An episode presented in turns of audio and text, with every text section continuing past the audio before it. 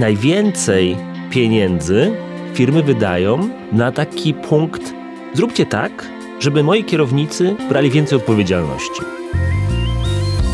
O nie, nie. W tej sytuacji im nie damy tej odpowiedzialności.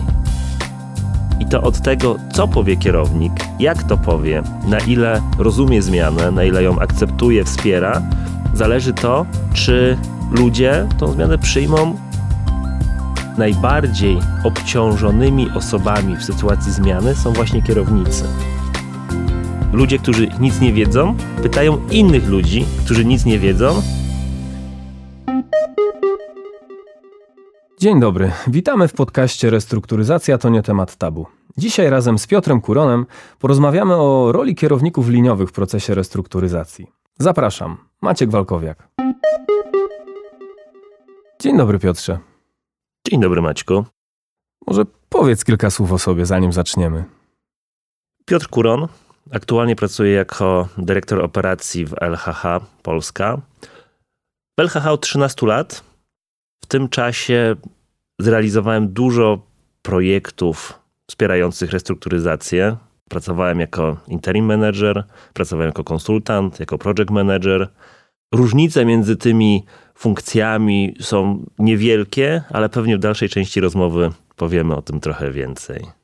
Powodem, dla którego dzisiaj się spotykamy, jest książka, której jesteś e, współautorem. Może Powiedz dwa słowa o tym, jak ona z Twojej perspektywy powstawała, w które tematy szczególnie się zaangażowałeś. Książka powstawała od dawna w czasie naszych dyskusji, ponieważ temat restrukturyzacji jest tematem, e, który no, jest naszym głównym biznesem. Zrealizowaliśmy kilkaset tego typu projektów e, i każdy z nich był inny. I w gronie autorów byliśmy zaangażowani w te projekty z różnych perspektyw, w różnych momentach. Więc oczywistym jest, że dyskutowaliśmy o tym, jak najlepszy sposób pomagać naszym klientom. I kilka lat temu pojawiła się taka, taka myśl, kiedyś opiszemy to w książce. I tak się to stało, że opisaliśmy tego typu doświadczenia w książce. Ja najbardziej angażowałem się w tematy związane z rolą kierowników w procesach restrukturyzacji e, oraz w tematy związane z programami dobrowolnych odejść, bo też takich projektów zrobiłem najwięcej. Zacznijmy od tego pierwszego tematu. E, roli kierowników liniowych w procesach trudnych zmian. I dlaczego teza o tym, że są, jest ona kluczowa, jest Twoim zdaniem prawdziwa? Opowiedz, jak to jest z tymi kierownikami? Bo wydawać by się mogło, że jest zarząd, są dyrektorzy, a jednak rola kierowników jest krytyczna. Dlaczego? Podzieliłbym zmianę, trudną zmianę na takie dwa etapy. Pierwszy etap to jest ogłoszenie zmiany, i tutaj potrzebna jest decyzja, potrzebna jest komunikacja. I za te etapy najczęściej odpowiedzialność biorą zarządy czy, czy dyrektorzy. Ale jest druga część, która z perspektywy procesu wydaje się istotniejsza, jest to wdrożenie. I wdrożenie nie jest jednym punktem w czasie, tylko jest pewnym procesem, pewnym, pewnym czasem, przez które to wdrożenie się dzieje. I za wdrożenie najbardziej odpowiadają kierownicy, ponieważ to kierownicy są w codziennym kontakcie ze swoimi ludźmi i to od tego, co powie kierownik, jak to powie, na ile rozumie zmianę, na ile ją akceptuje, wspiera, zależy to, czy ludzie tą zmianę przyjmą, wdrożą i czy ona po prostu w firmie zaistnieje. To skoro często kierownicy liniowi nie biorą udziału w tworzeniu tej zmiany, w planowaniu tej zmiany, to jak oni się potem odnajdują? I czy lepiej ich angażować od samego początku na etapie planowania, czy też, e, czy też nie? Jakie są Twoje doświadczenia? Najpierw odpowiem na pierwsze pytanie, jak się odnajdują. E, odnajdują się bardzo różnie, ale najczęściej jest to dla nich bardzo trudne doświadczenie. A jest ono trudne, ponieważ są między młotem a kowadłem. Są między zarządem, który zmianę już zaakceptował, przemyślał i ogłosił, a między pracownikami, których ta zmiana najczęściej dotyczy. Dotyczy osobiście, zmienia ich sposób funkcjonowania, sposób pracy, często życie, często życie osobiste też to, to zmienia.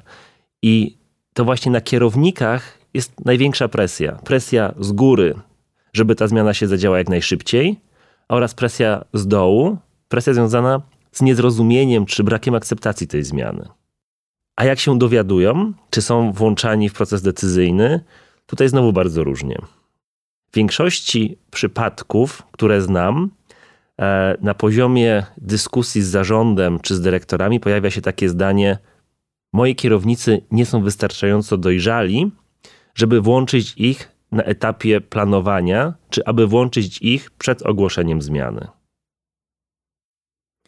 To rozumiem, że są dostatecznie dojrzali, żeby ją wdrożyć, zdaniem zarządów, ale niedostatecznie dojrzali, żeby się o niej dowiedzieć, zanim wszyscy się dowiedzą. Czy dobrze to rozumiem? No tu dochodzimy do takiego, z mojego punktu widzenia, zabawnego punktu, bo jako firma pracujemy również przy rozwoju ludzi. I najwięcej pieniędzy firmy wydają na taki punkt: zróbcie tak, żeby moi kierownicy brali więcej odpowiedzialności. Na to, o, to jest często temat dyskusji, jak to zrobić, żeby kierownicy brali więcej odpowiedzialności, żeby byli bardziej zaangażowani. I weźmy pod uwagę taki proces życia organizacji. W momencie, kiedy jest dobrze, to firmy inwestują, rozwijają właśnie ten punkt, kompetencje w zarządzaniu, kompetencje związane z braniem odpowiedzialności przez, e, przez menadżerów liniowych. No i dochodzimy do momentu, w którym e, pojawia się trudna zmiana do wdrożenia. I wtedy nagle te same osoby, które mówią, mi zależy, żeby oni brali więcej odpowiedzialności, mówią, o nie, nie. W tej sytuacji to oni im nie damy tej odpowiedzialności. Im, e, bo oni nie dadzą rady. Oni tą informację wypuszczą. Cała firma się dowie zbyt wcześnie. I najczęściej decyzja jest taka, że jednak kierowników liniowych nie włączamy. W takich ekstremalnych przypadkach kierownicy liniowi dowiadują się dokładnie w tym samym momencie o zmianie, co ich ludzie. To jak oni to odbierają? Bo ja sobie tego nie jestem w stanie wyobrazić. Z jednej strony nic nie wiem o tej zmianie, dowiaduję się o niej i za moment jestem proszony o to, żeby tą zmianę wdrożyć, choć może jej nie rozumiem. Tak naprawdę jestem w tym samym położeniu, co wszyscy inni pracownicy. No spójrzmy na to z takiego punktu widzenia procesu, który się dzieje, nakładając na to pewnego rodzaju psychologię. Ponieważ pracownicy z założenia, ale również z mojego doświadczenia, najbardziej ufają swoim bezpośrednim przełożonym. Od nich dostają najczęściej informacje, z nimi są w kontakcie i w większości sytuacji nie mają obaw, żeby zadać im pytanie. No i dochodzimy do momentu, w którym zarząd komunikuje pewną zmianę. Byłem wielokrotnie świadkiem sytuacji, w której jest spotkanie, wszyscy, cała załoga, town hall meeting, colleagues, jak zwał, tak zwał, online lub na żywo. Kiedy to wychodzi zarząd, ma przed sobą kilkaset osób, ogłasza coś, pyta, jest miejsce na pytanie, nikt nie zadaje pytania. W większości przypadków nikt nie zadaje pytań. Ale te pytania są. I te pytania po 10 minutach lądują u kierowników. I kierownicy, którzy nie byli do tego przygotowani, nie mają pojęcia, jak na te pytania odpowiadać. Więc po ogłoszeniu komunikatu pracownicy potrzebują doprecyzować, sprawdzić, czy dobrze zrozumieli i trafiają na kierowników, którzy totalnie nic na temat tej zmiany nie mają, nie wiedzą. Czyli z punktu widzenia zarządzania emocjami, ludzie, którzy nic nie wiedzą, pytają innych ludzi, którzy nic nie wiedzą na temat bardzo ważnej zmiany. I jakie to niesie efekty? Po prostu zwiększenie obaw, zwiększenie negatywnych emocji, bo jedna i druga strona wzajemnie się nakręca emocjonalnie. To jak ich do tego przygotować, kierowników? Jak zrobić, zaplanować i przeprowadzić ten proces tak, żeby oszczędzić sobie tych trudnych emocji, eskalacji emocji, niedopowiedzeń, tak żeby kierownicy liniowi od samego początku lub odpowiednio szybko no byli wsparciem dla swoich pracowników. Jak to widzisz? Każda zmiana, czy to reorganizacja, restrukturyzacja, czy po prostu wdrożenie czegoś nowego, wymaga zaplanowania. I skłamałbym, gdybym powiedział, no to od samego początku włączmy również kierowników liniowych, bo są różne sytuacje.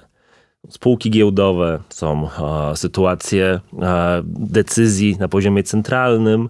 Jednak nie spotkałem w projektu, w którym nie byłoby możliwości włączenia kierowników na tydzień wcześniej, czy chociażby na dwa dni wcześniej przed ogłoszeniem zmiany.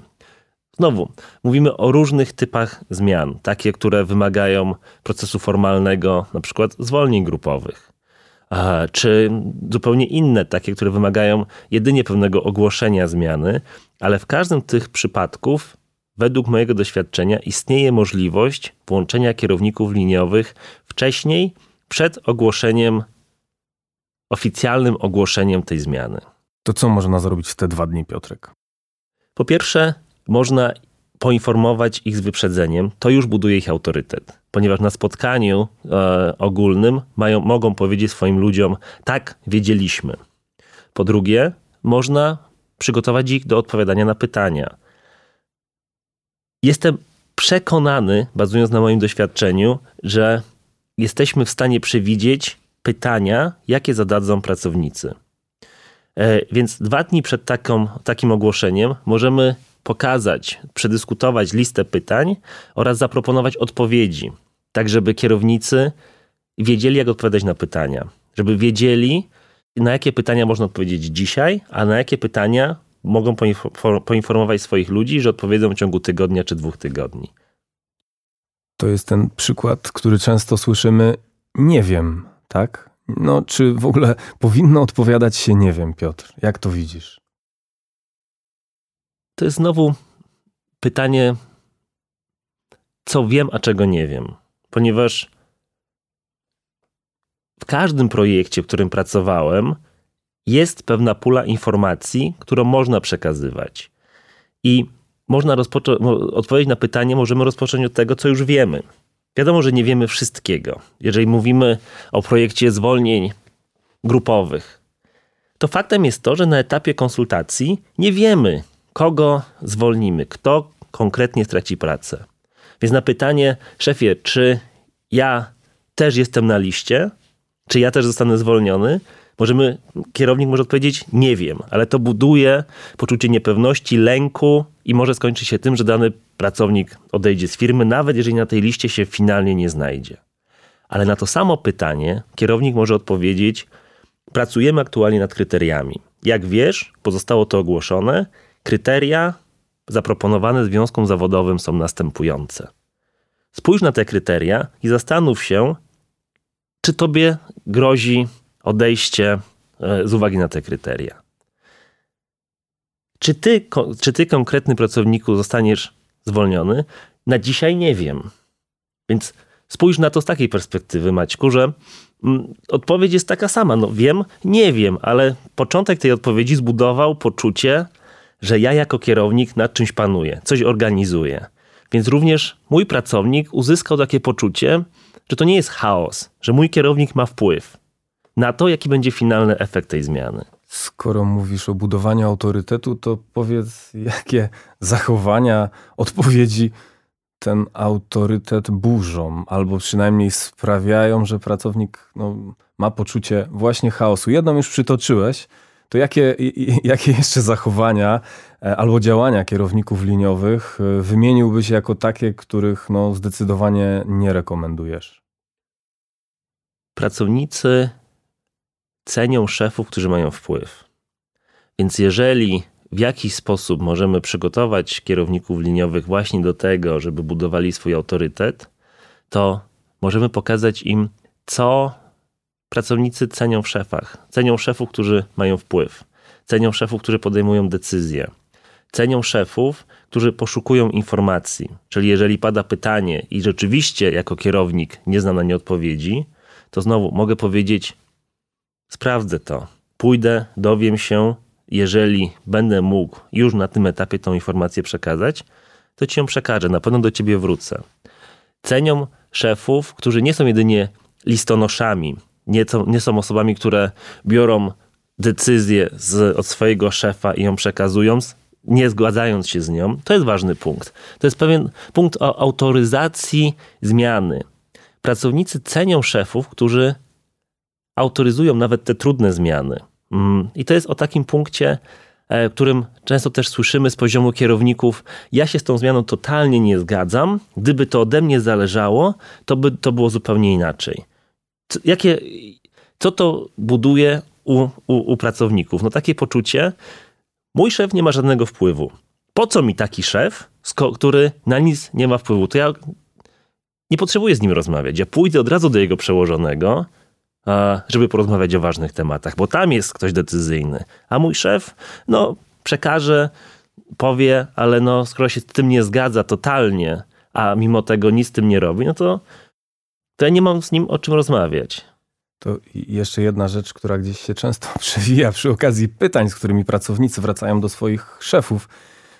Wiadomo, jest decyzja o restrukturyzacji i pracownik przychodzi do swojego szefa i zadaje pytanie: czy mam szukać sobie pracy?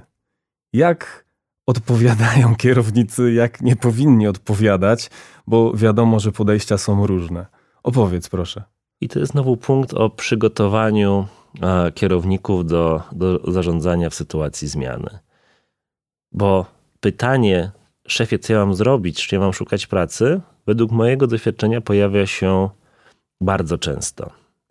I wracając do tej sytuacji, w której kierownik w tym samym momencie dowiaduje się o, e, o zmianie, e, kiedy e, w tym samym czasie, kiedy jego ludzie, to naturalną odpowiedzią jest nie wiem.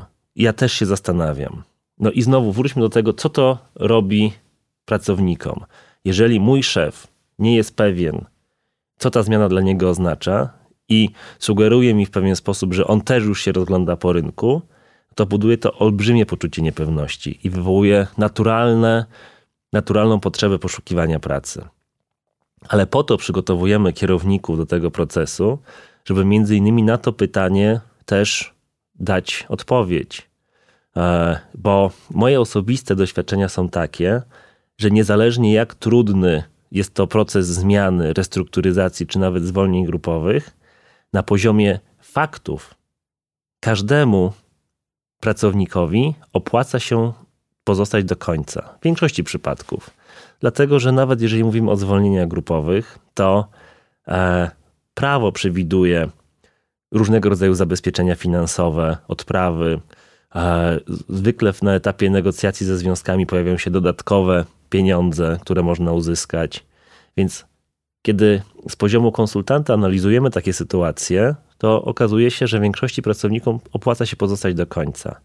I kiedy kierownik, wracając do Twojego pytania, usłyszy pytanie, czy mam już szukać pracy, i ten kierownik wie, jak wygląda proces, jakie pieniądze realnie można zostać na koniec, najczęściej odpowiada: poczekaj, zobacz, co się zadzieje. Te zmiany dotyczą tylko x procenta populacji, a nawet jeżeli znajdziesz się w tej sytuacji, że w wyniku tego procesu utracisz pracę, to zobacz, jakie czekają cię pieniądze. Więc zastanów się, czy nie opłaca ci się jednak pozostać. I taka odpowiedź, no jednak na poziomie analizy faktów, powoduje to, że pracownicy nie podejmują nagłych ruchów. Nagłych ruchów rozumianych jako wysyłka 100 CV następnego dnia po, po informacji. To chciałbym wrócić jeszcze do tego etapu planowania i w sumie naszego udziału w tym etapie planowania i w doradzaniu e, firmom, które przechodzą przez trudne zmiany. Czy w pierwszym kontakcie, kiedy spotykasz się po raz pierwszy z firmami, z zarządami najczęściej, które taką zmianę planują. Te firmy, ich zarządy zdają sobie sprawę z tego, jak istotna jest rola kierowników liniowych, czy też trochę to bagatelizują? Jeżeli mam odpowiedzieć tak naprawdę, to w większości bagatelizują. W większości sytuacji e, osoby decyzyjne skupiają się na procesie formalnym oraz na komunikacji zakładając, że zmiana to jest, jej, to jest ogłoszenie zmiany. Mylą dwie rzeczy: ogłoszenie zmiany i wdrożenie zmiany. E, zastanawiałem się wielokrotnie nad tym, dlaczego tak jest, i moim zdaniem wynika to z faktu że zespoły zarządzające zmianą skupiają się na formalnym aspekcie tej zmiany, na tym, żeby przestrzegać wszelki, wszelkich wymagań prawnych, aby dobrze napisać komunikat, ale nie zwracają uwagi na emocjonalne kwestie związane z wdrożeniem zmiany. A moje doświadczenia są takie, że to właśnie te emocjonalne kwestie powodują, że zmiana kończy się sukcesem lub niepowodzeniem. Czyli zarządzanie zmianą to jest zarządzanie komunikacją, a zarządzanie komunikacją to jest zarządzanie emocjami. Czyli jak dobrze rozumiem, e, formalne zarządzanie zmianą i ten komunikat, który wychodzi do ogółu pracowników na rynek, to w tym momencie często zarządy twierdzą, no, zmiana została wdrożona z naszego punktu widzenia, co jest oczywiście no, nieprawdą, bo tak naprawdę ta zmiana dopiero od tego momentu jest wdrażana e, przy okazji tych wszystkich e, decyzji, ale to jest też taki punkt, w którym ciężar wdrożenia tej zmiany powinien właśnie spoczywać na kierownikach liniowych. Czy dobrze to Dokładnie rozumiem? tak. To, to bardzo fajnie to ująłeś. E, dokładnie tak to widzę, że zespoły zarządzające zmianą szykują się do tego dnia, w którym zmiana jest zakomunikowana. Mm, albo ewentualnie, jeżeli mówimy o zwolnieniach, o jakichś zmianach e, struktury, do momentu, kiedy te zwolnienia zostaną zakomunikowane. Czyli tak mówiąc obrazowo, to jest tak, że w głowie prezesa czy zespołu zarządzającego momentem wdrożenia zmiany jest moment jej zakomunikowania. Wtedy można powiedzieć, jego rola w jego postrzeganiu się skończyła. Ale tak naprawdę, jeżeli chcemy dyskutować o efektywnym wdrożeniu zmiany, to, te, to od tego momentu rozpoczyna się rola kierowników. I częstym błędem organizacji jest to, że oni są do tego nieprzygotowani, to może złe słowo, ale nie są do tego wdrożeni. Nie są, nie są wspierani na etapie wdrożenia zmiany. Czyli taki, tak obrazowo mówiąc, prezes, który wychodzi na scenę, mówi o tym, co, jak zmiana w jego rozumieniu wygląda, wyciera ręce i mówi zrobione. A tak naprawdę wtedy wiele osób w organizacji zaczyna swoją pracę i od pracy tych ludzi zależy to, czy za pół roku ta zmiana zostanie uznana za wdrożoną prawidłowo, czy ona wejdzie w życie, czy dalej będziemy pracować w pewnej hybrydzie tego, co było kiedyś, z tym, co jest teraz i w sumie za wiele się nie zadzieje. To co można zrobić, żeby pomóc tym kierownikom liniowym w wdrożeniu tej zmiany z perspektywy organizacji, działań HR-owych, działań biznesowych? Jakie są takie dobre praktyki? To jest wdrożenie, włączenie ich do zmiany tak wcześnie, jak to możliwe. Jeżeli możliwe jest włączenie kierowników liniowych na etapie planowania zmiany, to świetnie. Jeżeli mówimy o reorganizacji w rozumieniu zwolnień grupowych, to w idealnym świecie kierownicy powinni mieć wpływ na to, które osoby zostają, a które osoby odchodzą. W wielu przypadkach tak jest, ale znam organizacje, w których te listy powstają na wyższym poziomie, a kierownicy są w najlepszym wypadku zapraszani do tego, żeby to zakomunikować. Ale jednakże mówimy o etapie przygotowania, później mówimy o etapie komunikacji. Dobrze, żeby, te, żeby kierownicy w tym w to byli włączeni. Żeby w to byli włączeni, powinni też być do tego przygotowani od strony komunikacyjnej i warsztatowej. Powinni wiedzieć, co mają powiedzieć, na jakim etapie, jak odpowiadać na pytania. Ważne jest to też, żeby też rozumieli dynamikę zmiany, bo no, teo w teorii zarządzania jest wiele definicji zmiany, wiele wykresów pokazujących emocje, przez które ludzie przechodzą. Ważne, żeby kierownicy też wiedzieli, czego się spodziewać, żeby wiedzieli, na jakim etapie, jak większość ich zespołu się zachowa, ale żeby też wiedzieli, jak wspierać te, te, te, te osoby na danym etapie zmiany. I mówimy o pewnej teorii, ale znowu, pracujemy w coraz bardziej złożonych procesach zmian pracujemy w firmach, które przez zmiany przechodzą przez pół roku, przez 12 miesięcy i w takich, które przechodzą 24 miesiące. Weźmy pod uwagę to, że najbardziej obciążonymi osobami w sytuacji zmiany są właśnie kierownicy. Czyli nie wystarczy zrobić im szkolenia na początku, przygotować ich z odpowiedzi na pytania, dlatego że po trzech miesiącach pojawią się nowe pytania. Po sześciu miesiącach okaże się, że część osób jednak odeszła z zespołu. Pojawiły się nowe, pojawiły się nowe wyzwania. Więc zaplanujmy ten proces w taki sposób, żeby kierownicy po pierwsze mieli miejsce do odreagowania, do odreagowania wzajemnie i wymiany doświadczeń. My organizujemy to najczęściej w takiej formie raz na kwartał, najrzadziej raz na kwartał, spotkanie dla kierowników moderowane przez zewnętrznego konsultanta, podczas którego dzielimy się wyzwaniami, kierownicy dzielą się wyzwaniami oraz dzielą się też rozwiązaniami, bo znowu nie jest tak, że oni nie dadzą rady, ale jest tak, że wzajemnie się mogą motywować, wzajemnie mogą odnajdywać pewnego rodzaju inspiracje, jak działać. Ważne jest to, żeby osoby najbardziej narażone na, na trudności miały indywidualne wsparcie. Znowu, weźmy pod uwagę 24 miesiące. Weźmy pod uwagę, że kierownik realnie w każdego dnia może otrzymać trudne pytanie, trudne zagadnienie, jakieś emocje. Więc często po trzech miesiącach, a często po pół roku kierownicy wracają do nas z informacją: My nie damy rady. Więc dajmy im szansę, dajmy im kogoś, kto w czasie tych trudnych, tego trudnego czasu będzie dla nich wsparciem, kto też odpowie na ich wyzwania, bo te wyzwania są bardzo różne. Pewnie moglibyśmy napisać oddzielną książkę o wyzwaniach kierowników w czasie zmiany. Tak, i a propos tych wyzwań, to też przychodzą mi takie do, do głowy, tyczące się tego, żeby zbudować zaangażowanie w tym zespole, który jest w trudnej zmianie, zbudować swój autorytet na nowo w zespole, który powstał z połączenia się dwóch osobnych, czy też mnóstwo innych rzeczy takich, które gdzieś na etapie planowania, no, mogliśmy o nich nie pomyśleć a osoba, dla której jest to pierwsze takie doświadczenie w życiu, która jest kierownikiem liniowym i musi się z tym zmierzyć, no może nie mieć w tym doświadczenia, ani też często narzędzi do tego, żeby taką sytuację dobrze rozbroić. Stąd też, tak jak powiedziałeś, przydają się, przydaje się wsparcie wewnętrzne, oczywiście z, z, wśród, wśród społeczności liderskiej, czy też z działów personalnych, ale też zewnętrzne, zewnętrznych ekspertów, e, z którymi można ten temat przedyskutować i wypracować e, dobre rozwiązanie. No weźmy pod uwagę taką sytuację, w której e, bardzo często na dzisiejszym e, rynku procesy e, w shared serwisie przenoszone są do Indii.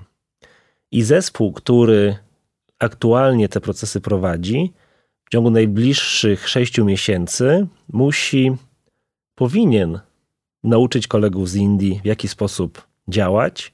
Jednocześnie e, po tym przekazaniu jeszcze przez pewien czas równolegle dbać o jakość tych procesów, a na końcu no, odejść z organizacji. No i teraz pracujemy w takim środowisku. Dzisiaj prezes organizacji wychodzi na środek i przedstawia firmie ten plan. Słuchajcie, moi drodzy, w ciągu najbliższego pół roku zadzieją się takie rzeczy.